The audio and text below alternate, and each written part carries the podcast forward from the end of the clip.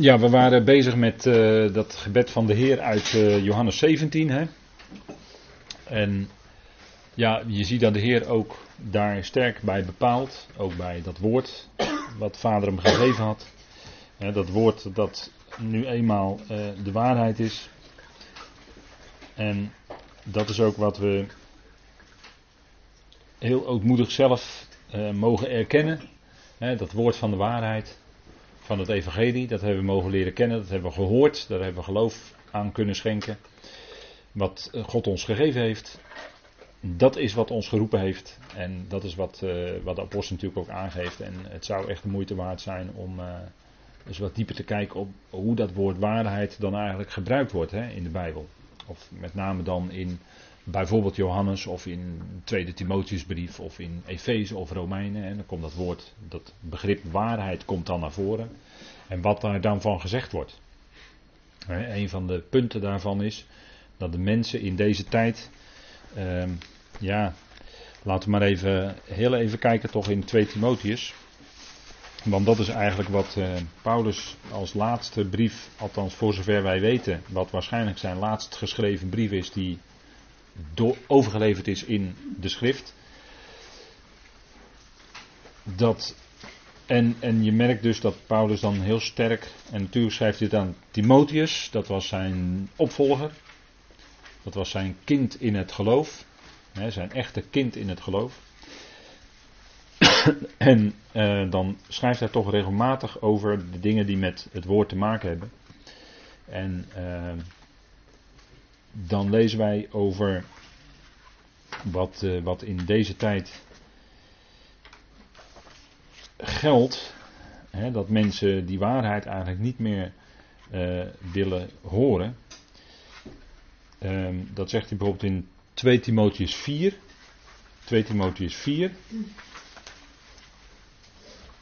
En dat is een heel nadrukkelijke uitspraak van Paulus waarin hij zegt: Ik betuig je voor het aangezicht van God. 2 Timotheus 4, vers 1. En ik lees uit de concordante tekst.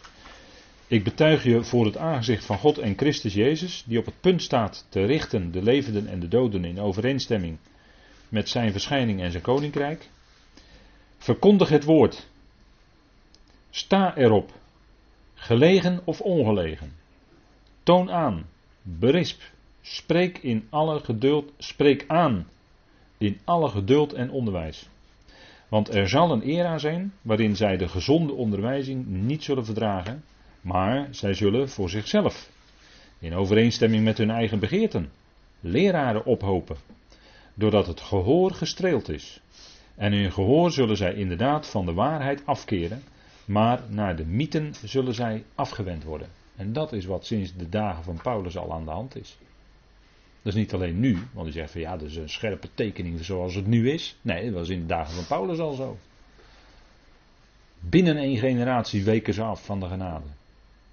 En moest Paulus een dringende gelaten brief schrijven. Dat was binnen één generatie hoor. En dan praat ik over 20, 30 jaar. En zij zullen hun gehoor inderdaad van de waarheid afkeren. Paulus heeft hier gewoon onverbloemd over de waarheid hoor. En dan bedoelt hij natuurlijk dat woord. Wat hij heeft mogen spreken. Dat woord van de waarheid. Maar ze zullen afgewend worden naar de mythen. En zegt u mythe?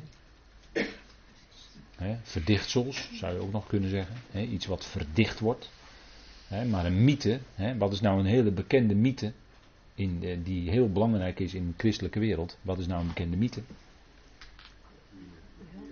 De hel, bijvoorbeeld. De hel, hè. Dat mensen voor eeuwig bewust pijn ondergaan in de hel. Nou, dat is een mythe. Staat nergens in de Bijbel. En zo heb je natuurlijk nog wel meer. De verering van Maria bijvoorbeeld. Hè, dat is eigenlijk het aanroepen van doden. Want Maria is dood. Die leeft niet, die is dood. Hè?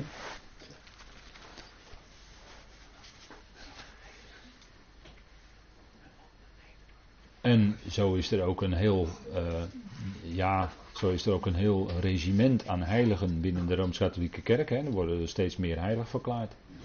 Ja. Hè, moeder Teresa bijvoorbeeld. Maar die geloofde niet hoor, moeder Teresa. Dat is geen gelovige vrouw. Althans, uh, dat getuigde zij zelf. Ja, ja, ja. Ja, maar dan moet je lezen over moeder Teresa, hè, wie dat was. Wat ze zelf zei. Ja. Maar goed, dat is allemaal niet, die, dat verder niet aan ons ter beoordeling. Dat is een heel andere, dat komt, komt ons niet toe uiteraard. Maar ik zeg het alleen maar even zo tussendoor. maar ze zullen zich afwenden, hun gehoor zal afgewend worden naar de mythen. Ze zullen hun gehoor afkeren van de waarheid, staat er. Maar naar de mythen zullen zij afgewend worden. ze wenden hun oor van de waarheid af. En waar kom je dan terecht? Nou, bij de mythen. En dat is al heel vroeg in het christendom gebeurd. met al die leerstellingen van eeuwige verlorenheid. Daar hebben ze toch een paar honderd jaar over gedaan hoor. Het is pas echt officieel kerkelijk vastgesteld in het concilie in 553. Jawel, 553. Toen werden de leerstellingen van Origenes veroordeeld. Origenes is vanaf dat moment een ketter. En wat leerde Origenes? Origenes leerde de totale verzoening van alles. Hij leerde gewoon wat Colossense 1 zegt. Ja. En Origenes werd veroordeeld in 553 in het concilie en was meen ik in Constantinopel. Door, toedoen, door sterk aandringen, door sterk aandrang van keizer Justinianus was dat.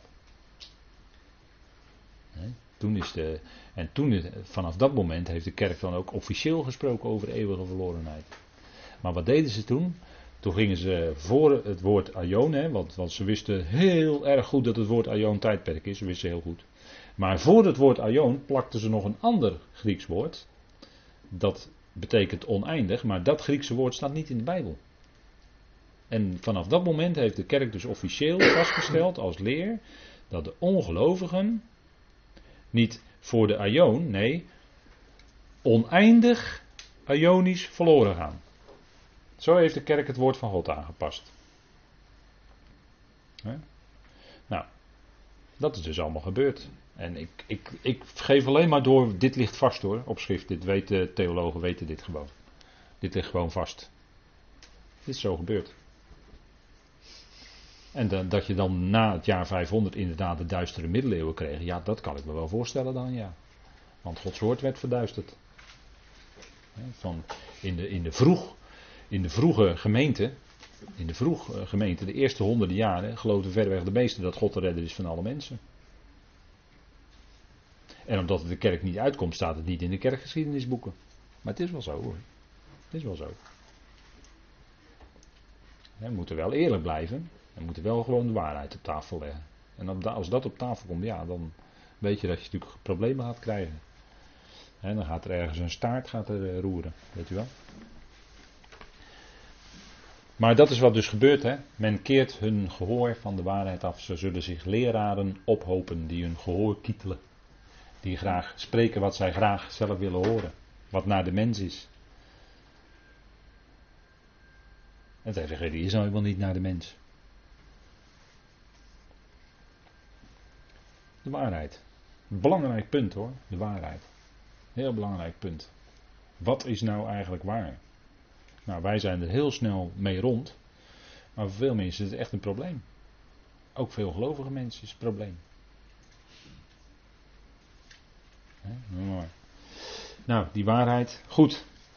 We gaan verder. Kijk, in het eh, leven van de Heer zou je kunnen zeggen, werkte het zo. Vader gaf het gebed aan de zoon. Dat heb ik op deze dia even wat grafisch uitgewerkt. Vader gaf het gebed aan de zoon. En op grond daarvan kon hij zijn twaalf discipelen kiezen die ook apostelen zijn. En hij dankte vervolgens ook daarvoor. In Johannes 17 hebben we ook met elkaar gezien. Dus hij ging in gebed. Vader gaf het hem en hij dankte ervoor. Nou, dat is eenvoudig, maar wel heel diepgaand. En, en wat, als je nu die teksten naast elkaar legt, hè, Lucas 6 en Johannes 17, wat zien we dan? Nou, die twaalf discipelen, die waren eigenlijk al van vader. Want vader gaf ze aan de zoon. Hè? Ze waren al van de vader. En vader gaf het gebed aan de zoon om ervoor te bidden. En hij gaf het ook aan de zoon om ze uit te kiezen. En de zoon koos ze uit. Met andere woorden, de vader gaf ze aan de zoon. Dus alles gaat van God uit. Dat is wat je kan vaststellen aan de hand van deze schriftgedeelten. En dan zie je dus eigenlijk dat alles van God uitgaat. Hè? En dat God eigenlijk door alles heen ook alles bewerkt. Hè, wat mensen best wel moeilijk vinden, hoe je dat dan moet zien, dat God alles bewerkt. Maar dan moet je de schrift ook erop naslaan, hè, hoe dat dan werkt in de praktijk. Nou, hier is een rechtstreekse, hè, er was zo'n diepe rechtstreekse band, onverbrekelijk tussen de vader en de zoon. Ja, dat is natuurlijk heel bijzonder. Kijk, en gebed, uh, je zou kunnen zeggen dat in Johannes 17, daar kun je ook iets uh, vinden als je goed leest, maar dan moet je daar ook studie van maken. Dan kun je zien dat de Heer die zegt dat ook. Op een gegeven moment zegt hij ook: ik ben, vader, ik ben van de Vader uitgegaan en ik keer ook weer naar de Vader terug. En, en dat wordt eigenlijk uh, in, in de gang die de uh, hoge priester maakt, wordt dat eigenlijk uitgebeeld. De hoge priester, die komt dan van buitenaf. En die komt dan één keer per jaar komt hij in dat heilige der heiligen. Dus dan, gaat hij een, dan legt hij een hele weg af. helemaal van buiten naar helemaal het binnenste toe. Naar de tegenwoordigheid van God. En dat was dan één keer per jaar, maar hij mocht wel regelmatig. En dat zien we hier op deze afbeelding dan ook prachtig uh, geïllustreerd. Dat die hoge priester in de tijd van Israël. Die stak dan dat reukwerk aan op het gouden reukofferaltaar. Nou, is op zich een uh, tabernakel is op zich een prachtige studie. Het is echt wonderbaarlijk hoe dat in elkaar zit. dat is uh, zoiets, uh, heb je nog nooit gezien, maar het was ook een afbeelding van de hemelse dingen, weet u wel. Het is een afbeelding van de hemelse dingen. En dan denk ik van, als dit al zo mooi is, hoe, hoe geweldig moeten dan die hemelse dingen zijn? Hè? Als daar een afbeelding van is. Dat is helemaal fantastisch maar het brengt natuurlijk geestelijke waarheden naar voren. Daarom is de studie van de tabernakel zo boeiend. Omdat het ook geestelijke waarheden naar voren brengt. En dan ga je ontdekken dat de Torah heeft een schaduw van de toekomende goederen, zegt uh, Hebreeën 10 vers 1 dan. En Paulus zegt het ook in Colossense 2. Hè. De Torah was een schaduw. Dat wat de Sabbat en al die feesten en al die dagen enzovoort, dus allemaal schaduwen van dat wat komen moest. En degene die komen zou, is de Heer Jezus Christus. En in hem is het vervuld. Dus in feite heeft de gemeente het lichaam van Christus dan geen enkel feest meer nodig. we vieren wel allerlei feesten, maar dat is allemaal ontleend aan Israël of aan het heidendom. Oh, sorry, dan weer even kort door de bocht. Maar, uh, kijk, de gemeente, het lichaam van Christus, heeft geen enkel feest. Waarom niet? Alles is vervuld in de Christus. Wij hebben de vervulling, dat is oneindig veel meer dan al die schaduwbeelden.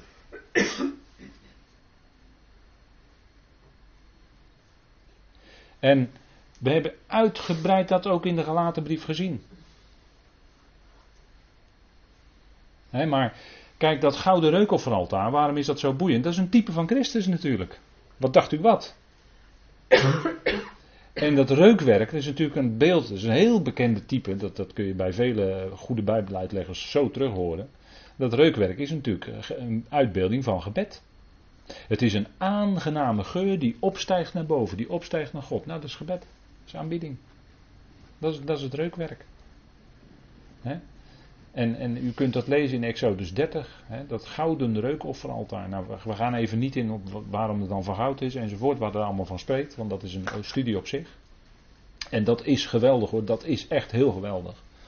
Maar het gouden reukofferaltaar, en dat is voor ons al genoeg, is een type van Christus. Nou, dan zijn we weer bij hem. Hè. Dan zijn we weer bij hem van wie al de schrift spreekt. De vader heeft het altijd over de zoon. Want door de zoon heen zien wij wie vader is. Filippus zei, of wie was het? Thomas zei tegen hem: Heer, toon ons de Vader. Dan zeg je: Thomas, ben je al zo lang bij me en heb je de Vader nog niet gezien? Wie mij gezien heeft, heeft de Vader gezien. In hem zien wij wie Vader is. Dus als heel de schrift spreekt van Christus, is het diegene die ons naar God brengt, naar de Vader. Nou, altaar, waar spreekt het altaar van? Spreekt van dienstwerk. Dienstwerk.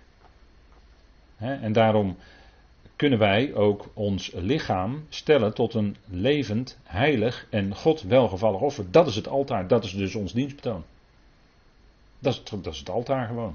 wat in, eh, Paulus bedoelt in Romeinen 12. En uh, kijk, niet voor niks vergelijkt Paulus de gemeente met de tempel van God hoor, in 1 Korinthe 3.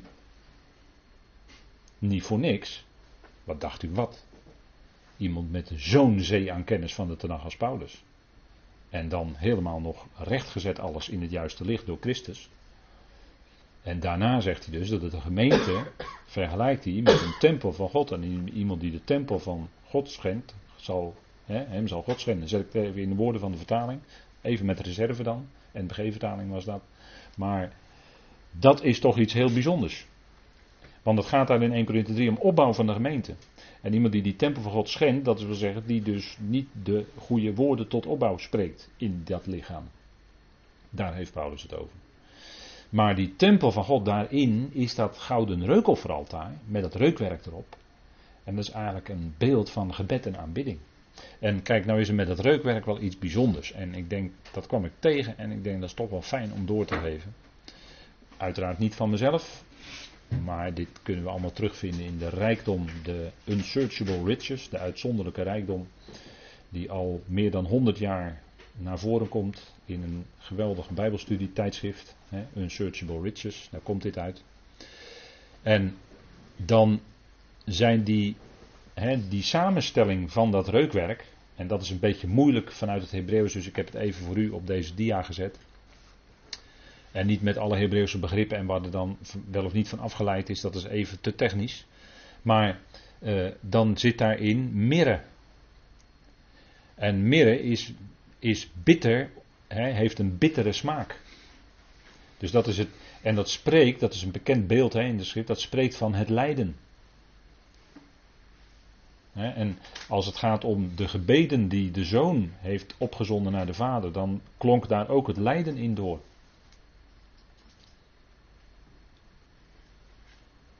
We hebben het over gebed. Hè? Dus heeft u, heeft u gelezen in Hebreeën 5? Zullen we maar met elkaar lezen. Hoe dat was met de Heer. Hè? Dat was geen makkelijke weg hoor. Dat was geen makkelijke weg. En daarom klonk in die gebeden van de Heer, klonk ook het lijden door. Hè? Dat is onontkoombaar. Dat was voor de Heer ook onontkoombaar, dat lijden.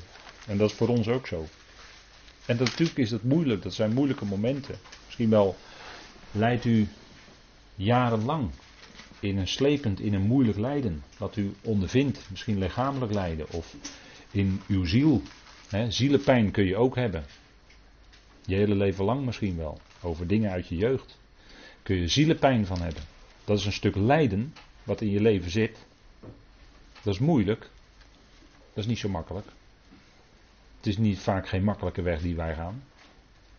En dat weet de Heer ook maar uh, er staat in Hebreeën 5 vers 7, beperk ik het even tot vers 7, want ja, Hebreeën is ook geweldig hoor, om te bespreken, maar in de dagen, Hebreeën 5 vers 7, dat hij, en daar wordt bedoeld dat hij uh, op aarde was, en uh, letterlijk staat er dan in de dagen van zijn vlees, heeft hij met luid geroep en onder tranen, ziet u het, onder tranen, gebeden en smeekbeden geofferd aan Hem die hem uit de dood kon verlossen. En Hij is uit. En dan staat er niet angst, want als het gaat om de Heer wordt er niet gesproken over angst. Ik heb dat jaren geleden dus helemaal nagezocht en ik ben niet tegengekomen. Wel wordt er een woord gebruikt dat wijst op zeer zware druk, die op zijn ziel drukte. En dat was zeker in Gethsemane zo. En omdat het op zijn ziel drukte, zou je kunnen zeggen dat in Gethsemane een, een gebed naar voren kwam uit zijn ziel, uit zijn zielennood. Toen, het heel, toen hij zei, Vader, indien het u wil is, laat deze drinkbeker aan mij voorbij gaan. Dat was de enorme druk in zijn ziel. Vanwege het lijden. En dat was een gebed uit zijn ziel, zou je kunnen zeggen. Maar uiteindelijk zie je dan dat de geest de ziel dan gaat, uh, ja, boven de ziel uitgaat, laat ik het zo zeggen. De geest gaat dan boven de ziel uit en dan komt de zoon tot de erkenning, vader niet mijn wil, maar uw wil geschieden. Dan krijgt de geest dus de overhand boven het zielse. Dat zeg ik opdat u daar iets uit kan leren. Hè? Uh, wij als mens kunnen ook vanuit onze ziel allerlei dingen, omdat we in onze ziel nood ervaren, omdat er een grote druk op ons staat, kunnen wij soms dingen bidden vanuit onze ziel. En dat, dat, dat is gewoon een eerlijk gebed. Dat is gewoon een eerlijk gebed tot vader. Dat is er, dat had de zoon ook. Alleen als het dan gaat om uiteindelijk wat is onze erkenning vanuit het woord, dat, dat is wat we dan misschien een heel klein beetje leren in dit leven. Is dat we bij momenten ook kunnen bidden, ja maar vader, niet wat ik wil, maar wat u wil geschieden. Dat we dat er zo nabidden. En, en dat is helemaal niet makkelijk. Maar dan is het op dat moment wel zo dat bij jou dan als gelovige op dat moment het geestelijke boven het zielse uit gaat komen. Dat je dat erkent. En dat, dat is een groeiproces. Dat je dat steeds meer gaat erkennen. En dat je ook steeds meer eigenlijk in die lijn wil lopen waar, waarvan je gaat ontdekken, kijk, dat wil vader nou voor mijn leven. Dat bedoelt vader nou in mijn leven. en, en, het kan ook nog zo zijn, het kan ook nog zo zijn, dat vader iets in je leven bedoelt en dat hij op dat punt komt met jou en dat je erbij wegloopt, dat kan als mens, dat je daarbij wegloopt. Dan, dan is nog steeds bij jou dat zielse, is nog steeds wat meer aan de hand, om het zo maar te zeggen, dan het geestelijke. Op dat punt, hè? Op dat punt. En het kan best zijn dat dan vader weer na een aantal jaren weer terugkomt bij dat punt. Hoe zit nou met dat punt in jouw leven? En dat je dan misschien tot de erkenning komt, ja vader, niet mijn wil, maar u, u wil geschieden. En dan breekt het door in je leven. En dan is dat punt ook weg. Zo kan God werken in een mensenleven. Dat kan. maar dat, is dus die, dat zijn dus die gebedsmomenten waarop je dat kan ervaren. dan kom je in het licht van Vader, in het licht van God, kom je in het licht. Dan kan het best zijn dat dat punt, een, een bepaald punt in je leven naar voren komt. iets waar je mee zit. En Vader weet dat natuurlijk al lang, waar je mee zit. Alleen hij gaat met jou door, dan daar doorheen, om, om ook op dat punt tot zijn doel te komen. Dat is groei. Nou, bij de Heer de Heer, Hebreeën 5 vers 7, hij uit de angst verhoord. Hè? Hij stond onder zeer grote druk. Hè? Dat woord angst is dus eigenlijk incorrect hoor, want dat komen we bij de Heer niet tegen in de schrift, ook in de Evangelie niet. er wordt wel angst vertaald, maar dat, dat, staat er dan niet, er staat iets anders. Uh, maar hij is wel verhoord. Hij is verhoord, dat staat er wel, hè? hij is verhoord. Want God kon hem uit de dood verlossen, dat wist hij. En hij, hij vertrouwde ook voor de volle 100% dat vader ook dat zou doen. En de vader deed het natuurlijk ook. Natuurlijk. maar ik heb een tijdje terug, heb ik het wel eens gesproken over dat lied, weet u wel. Dat hij opstond door eigen kracht. Nou, niet hoor, niet. Nee, niet. Want dat kun je niet uit de schrift maken. Hij stond op door vaderskracht, dat wel. Dat kun je wel voluit zingen als eh, we de opstanding gedenken. En dat zouden we eigenlijk elke dag doen. Dus je kan elke dag zingen. Eigenlijk mooi hè, je kan elke dag zingen. Dankbaar zijn voor de opstanding. Ja. Maar eh, vader verloste hem uit de dood hè. Vader verloste hem uit de dood. Hij kon niet door eigen kracht eruit hoor. Absoluut niet. Nee, vader wekte hem op. Dat is wat we vele keren lezen. En dat is ook wat gebeurd is. Nou, en dan staat er in vers 8: hoewel hij de zoon was, heeft hij toch gehoorzaamheid geleerd uit wat hij heeft geleden. En, en dat is, kijk, wij zijn zonen. En het is voor ons dan dezelfde weg. Dat wij ook uh, van stapje tot stapje gehoorzaamheid leren. En dat is door een weg van lijden heen. Ja. Dat is door een weg van lijden heen. En dat is dat bittere dat is dat uh, aspect van de midden, wat, wat ook in dat reukwerk zit op het reukofferaltaar. Dat is het aspect van het lijden. En dat is wat je ook in Filippenzen tegenkomt.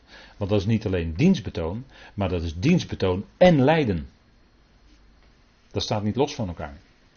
want vroeg of laat, als je bezig bent met dienen in het lichaam van Christus, zal dat ook lijden veroorzaken. Ja? Nou, het tweede punt is, dat is, het eerste is voor de smaak. Hè. Het tweede punt is dan zwart. Hè, want gedacht wordt dat uh, er ook een zwarte slakschelp, en dat technische ga ik even niet op in. Maar houd bij even hierop, een zwarte slakschelp, dat die ook gebruikt werd. En dat is dan zwart, dat is onaangenaam voor de ogen. En dat is dan het contrast met het licht. En zo zijn er in ons leven ook momenten waarin het, ja hoe moet ik dat nou zeggen? Lijden waarin het donker lijkt. Waarin de dagen voor jou donker lijken. Dat is dat zwarte. En God werkt door contrasten. God leert ons ook door tegenstellingen. En daarom zijn we in een schepping geplaatst waar niet alleen licht is, maar ook duisternis. En we hebben het gelezen hè, zondag, dat stond in de tekst. Dat viel mij op toen ik het las. Zondag, toen ik zondag meelas in de tekst. Jezaja 45. Is dat hij de duisternis schept, staat er dan. Daar zat ik toen over na te denken. Hij schept de duisternis. Hoe, hoe is dat? Nou, het woord duisternis in het Hebreeuws, dat weet u wel, dat betekent terughouden. Dat is goshek. Dat betekent terughouden. Dus God gaat dan het licht terughouden. En doordat hij het licht terughoudt, schept hij duisternis. Wie schept duisternis? God. Dat staat in Jezaja 45. Dat zijn niet mijn woorden, dat zegt Jezaja 45. En God werkt dan door contrasten heen en door contrasten, door die tegenstellingen heen, licht en duisternis, dag en nacht, onderwijst Hij ons als schepselen. Dat wij het licht enorm gaan waarderen, dat wij de dag gaan waarderen. Dat kunnen we alleen maar als we ook weten wat de nacht is. En het diepste van de nacht is altijd tegen de ochtend. Daar zitten we nu in, geestelijk gezien in deze wereld. De nacht is ver gevorderd, zei Paulus al in Romeinen 13. Nou, nu is het nog veel verder. Maar de dag is nabij. En dan, de, dan is er ook de, de melkwitte gomhars. Daar wordt dan over gesproken. Gomhars, dat zat ook in dat reukwerk verwerkt. En dat is onaangenaam voor uh, de neus. dat is, uh, ja, dat kan ook zijn uh, onaangenaam gedrag van degene die hem eigenlijk zouden moeten dienen. Waar de Heer tegenaan liep, ook in zijn dienstwerk op aarde, liep hij daar tegenaan. Onaangenaam gedrag van zijn volk. Zijn volk wat eigenlijk God had moeten dienen, maar het niet deed. En daar liep de Heer tegenaan. En dat was een onaangename geur. En dat, dat speelde ook door in die gebeden van de Heer. Hè. Daar liep hij tegenaan. Daar leed hij onder. De dingen die hij zag. Hij was veel gevoeliger voor de zonde en, en alles wat gebeurde om hem heen dan wij dat zijn. Daar was hij veel gevoeliger voor. Waarom? Omdat hij die bijzondere geest had van God. dus dat zat er ook in. Dan hebben we wit, hè, wierook. dat geeft een, eh, een, een aangename geur, zeg maar. Dan moet u wierook natuurlijk even loszien van al het andere wat er vandaag mee gedaan wordt. Maar gewoon wierook zat in het, in, in het uh, reukwerk, hè, op het reukofferaltaar. En dat is een aangename geur. Hè. Dus dat dienstwerk, dat dienstwerk was aangenaam voor God. Was ook wel, welgevallig voor de mensen. Hè, dat dienstwerk wat hij deed. Dat zit er ook in. Dat zit allemaal dus ook in die gebeden. En dan werd er uiteindelijk zout aan toegevoegd. Dat was niet een essentieel onderdeel van het reukwerk. Maar er staat er dat er later zout aan werd toegevoegd. En zout, dat is natuurlijk, dat kennen wij in de toepassingen op verschillende manieren. Vis en vlees, dat wordt ingezout en dat is bederverend. Dat is een, een toepassing van zout. Een werking van zout, dat is bederverend. En ik heb wel eens iemand horen zeggen, een Bijbeluitlegger die zei: zout is dan ook een beeld van de geest van God. Een bepaald aspect van de geest van God. De geest van God in ons heeft ook een bederverende werking. Bederverende werking. En eh, bij onze Heer was dat natuurlijk helemaal, want hij zag geen bederf, zelfs in de dood niet. Zijn, zijn uh, ziel werd niet overgelaten aan de Sheol. Hè? En, uh, zodat hij geen uh, ontbinding zag, staat er dan hè, in de psalm, wat door Petrus wordt aangehaald. Hij zag geen ontbinding. En dat was ook de verhoring van het gebed van de Heer dat vader hem zou verlossen. En de Heer bad op het woord, want in de schriften was al bekendgemaakt dat hij opgewekt zou worden uit de dood. Dat stond al in Tenach. Dus ook de Heer bad op het woord. Dan heb je het weer, hè? En uh, dat zout spreekt ook van een stuk discipline in de dienst. Hè. De Heer deed zijn dienst betonen en dat deed hij in een discipline. Hij ging door. Hij ging die hele weg die vader hem voor hem had uitgestippeld. Waarom? Om de vreugde die hem was voorgesteld. De vreugde, dat lag in het verschiet. En daarom kon hij toch door dat lijden heen gaan. En van tevoren kon hij als het ware ook door dat lijden heen kijken. Omdat hij zag de vreugde die hem was voorgesteld. De vreugde. Onvoorstelbare heerlijkheid die hij nu heeft. En dat zal deel worden van heel de schepping. En ook u en mijn deel als de bazuin klinkt. Dat heeft u geen idee van, wat, wat, er dan, wat u dan allemaal gaat meemaken. Maar dat, is, dat gaat ver boven je denken uit. Ver. Maar dat is het geweldige wat hij gaat doen. En dat is gebaseerd op zijn lijden, zijn aardse dienst, zijn lijden en sterven aan het kruis van Golgotha. En het geweldige is dat vader hem heeft opgewekt. Volkomen geaccepteerd. Volkomen. Hij was het vlekkeloze. En het is bederverend, hè? Dus aan hem en in hem was geen bederf aanwezig. En toch moest hij door die weg gaan. En toch moest hij gedood worden.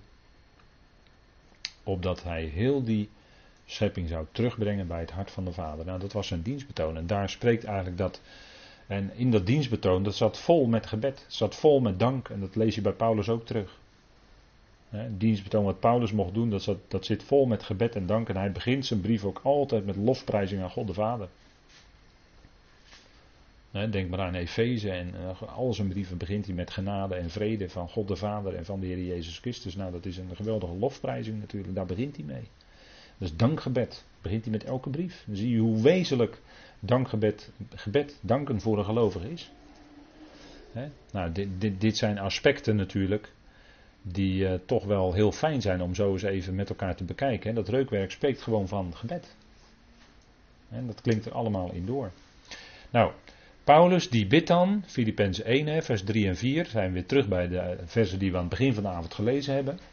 Ik dank mijn God bij elke herinnering aan jullie, altijd in iedere bede van mij voor jullie allen met vreugde deze bede uitsprekend. En wat mij opviel was die dank en die vreugde. Want dat is een notitie, en ik herhaal het nog maar eens. Hè, dankbaarheid en vreugde in gebed is een notitie die je in het Oude Testament niet vindt. Daar wordt wel veel gebeden, maar de dank ontbreekt in feite. En dat is in feite wat bij Paulus zo sterk naar voren komt. Als hij het bidt, dan dankt hij ook tegelijkertijd. Hè. Die dank en die vreugde, en u weet het, en ik vat het nog maar even samen dan. Daarin zit allebei dat aspect van genade. want vreugde is eigenlijk het grondbegrip van genade in het Grieks. En dank, daar zit ook dat woord van genade in. He, dat charizomai, charis zit daarin. u hoort het. Daar zit allebei die genade in. Dus dat veroorzaakt die dankbaarheid. En dat maakt die, wat, wat de brieven van Paulus ademen, maakt het ook zo anders. Dat is die genade. Dat maakt het zo anders. En dat maakt het zo vreugdevol en zo dankbaar. Omdat we het alles gaan zien als genade van God. en dan zijn het wel smeekbeden, maar dan is het omringd door genade en vreugde bij Paulus. Omdat hij weet dat vader heeft, zal het goede uitwerken. Vader doet het niet fout. God maakt nooit een fout. Dat is onmogelijk. dus vader doet het in ons leven niet verkeerd. Nee, maar hij werkt het uit tot het goede, wat hem goed, wat hij goed acht voor ons. Dat is het, hè. En, en dat is heel bijzonder, hè. We moeten nooit vergeten. Genade zit vandaag op de troon. Vandaar genade met het kroontje op het hoofd. Genade regeert vandaag. Gods genade regeert vandaag. Genade zit op de troon. He, dat is de bijzondere onthulling in, in Romeinen 5. Genade regeert vandaag hoor. Er is niks anders. En als gelovigen toch weer onder de wet kruipen, ja, lees de gelatenbrief, bestudeer de gelatenbrief. We hebben er uitgebreid bij stilgestaan wat dat allemaal betekent. Maar dan ontken je in feite het leefklimaat waar wij als gelovigen vandaag in mogen leven. Even, niet omdat wij dat graag wilden, heeft God zo bepaald. Dit is het beheer van de genade van God. Zo beheert hij deze tijd. Genade. Dus dan is er geen veroordeling mogelijk voor ons. God ziet ons altijd in Christus onbeschuldigbaar en onberispelijk. Nou, dat is genade hoor, dat is genade. Daar kun je elke dag voor danken. En dat, dat doet u ook. En dat is heel fijn, want we beseffen elke keer even naar onszelf kijken. Ja, vader, maar u ziet mij in Christus aan zonder vlek of rimpel. U ziet mij onbeschuldigbaar aan in hem. Dat is genade en daar ben ik geweldig dankbaar voor. En nu kan ik weer verder. Ik kan weer opgelucht ademhalen en ik kan weer verder. Want u schenkt mij dagelijks zoveel genade. Fantastisch. En die Filippenzen, waarvoor dankte Paulus dan God? Wegens jullie deel hebben aan het evangelie. ze, hadden, ze, hadden daaraan deel gekregen, ze hadden daaraan deel genomen. en dan zegt u, hé, hey, nou laat je een plaatje zien van uh, dat ze aan het werk zijn. Ja, dat is hun dienstbetoon. Uh, Filippenzen gaat over dienstbetoon. het gaat over werken doen. je, je redding uitwerken, staat er in Filippenzen 2. Daar gaan we natuurlijk nog uitgebreid over hebben met elkaar. Maar je redding uitwerken, staat wel degelijk het woord werken. Dus het is wel degelijk, het, het, drijft ons wel degelijk tot activiteit. En dat kan op allerlei manieren zijn. En de een is misschien heel beperkt in de mogelijkheden. En wat kun je dan doen? Je kunt bidden voor de activiteiten. Bidden dat het woord van de Heer snelle voortgang mag hebben. Bidden voor vrijmoedigheid. Om het geheimenis van het evangelie bekend te maken. Daar vroeg Paulus toch om. Broeders, bid voor mij om vrijmoedigheid. Paresia betekent dat. in, eh, dat is het Griekse woord, maar dat is heel mooi, want het betekent alles zeggen, alles kunnen zeggen. Paresia. Dus Paulus bad om vrijmoedigheid. Wat betekent dat? Dat betekende dat hij eh, graag bidders wilde hebben die voor hem zouden bidden om vrijmoedigheid, zodat hij alles kon zeggen en kon blijven zeggen. Dat is eigenlijk vrijmoedigheid. En dat is een woord wat je regelmatig in handelingen ook tegenkomt. Hè? Dat de apostelen vrijmoedigheid hadden om te getuigen van de opstanding van Christus. Ze konden dat uitspreken daadwerkelijk. ze konden daarvan alles zeggen. En dat gaf God hen op dat moment. En hij gaf een geopende deur voor het woord. Hij gaf een geopende deur van het geloof bij Paulus. En dat is allemaal omdat Paulus die vrijmoedigheid kreeg. Maar dat gaat niet vanzelf. Daar is voortdurend strijd en tegenwerking en noem alles maar op. Maar daarom gaf Paulus het ook aan. Bid voor die vrijmoedigheid. En dat ook voor uzelf. Op het moment als de gelegenheid daar is, dat u dan vrijmoedigheid heeft om misschien met degene die naast u zit op een verjaardag, misschien toch eens een keer iets, iets fijns te zeggen uit Gods woord. Over, over wie God is. populair zeggen ze altijd, je moet over twee dingen nooit beginnen op een verjaardag. Dat is niet over religie en niet over politiek. Dat is zo populair gezegd, hè. Want dan krijg je de grootste ruzies van op verjaardagen. Dan worden mensen ineens fel en fanatiek voor de rest uh, het allemaal voort, maar zodra je over één van die twee dingen begint, dan eh, is het gelijk uh, bonje. En flink ook. En zeker als er al flink wat borrels op zijn. dan gaat het nog wat sneller. Maar, kijk, bid voor vrijmoedigheid. Het kan best eens zijn dat u zomaar iemand ontmoet. En zomaar eens in gesprek raakt. En dat u dan die vrijmoedigheid heeft om iets te kunnen doorgeven, is maar Heel klein beetje, hoeft, hoeft niet lange verhalen, want daar zitten mensen toch ook vaak niet op te wachten. Maar misschien kan u net even dat ene lichtpuntje doorgeven aan de ander, waardoor die ander even op een spoor gezet wordt van God wie God is. En hebben we toch iets geweldigs te vertellen. Dat God liefde is, dat hij van iedereen houdt, ongeacht. Ongeacht wie het is. Maar God houdt van die mens. Dat is op zich sowieso al een lichtpuntje. En dat hebben mensen soms hun hele leven nog nooit gehoord een verkeerd beeld van God opgedrongen gekregen. Maar niet de God die liefde is. Die gewoon onvoorwaardelijk van je houdt. Dat is sowieso al een reden om hem te danken. God houdt zonder reserves van ieder mens. Onvoorwaardelijk. Nou, dat is fantastisch. En, en dat is alle reden om hem te danken. En bid u dan ook voor die vrijmoedigheid. Voor uzelf en voor anderen. Om misschien iets te kunnen doorgeven. Het zou bijzonder zijn. Goed, ik wil het hierbij laten voor vanavond.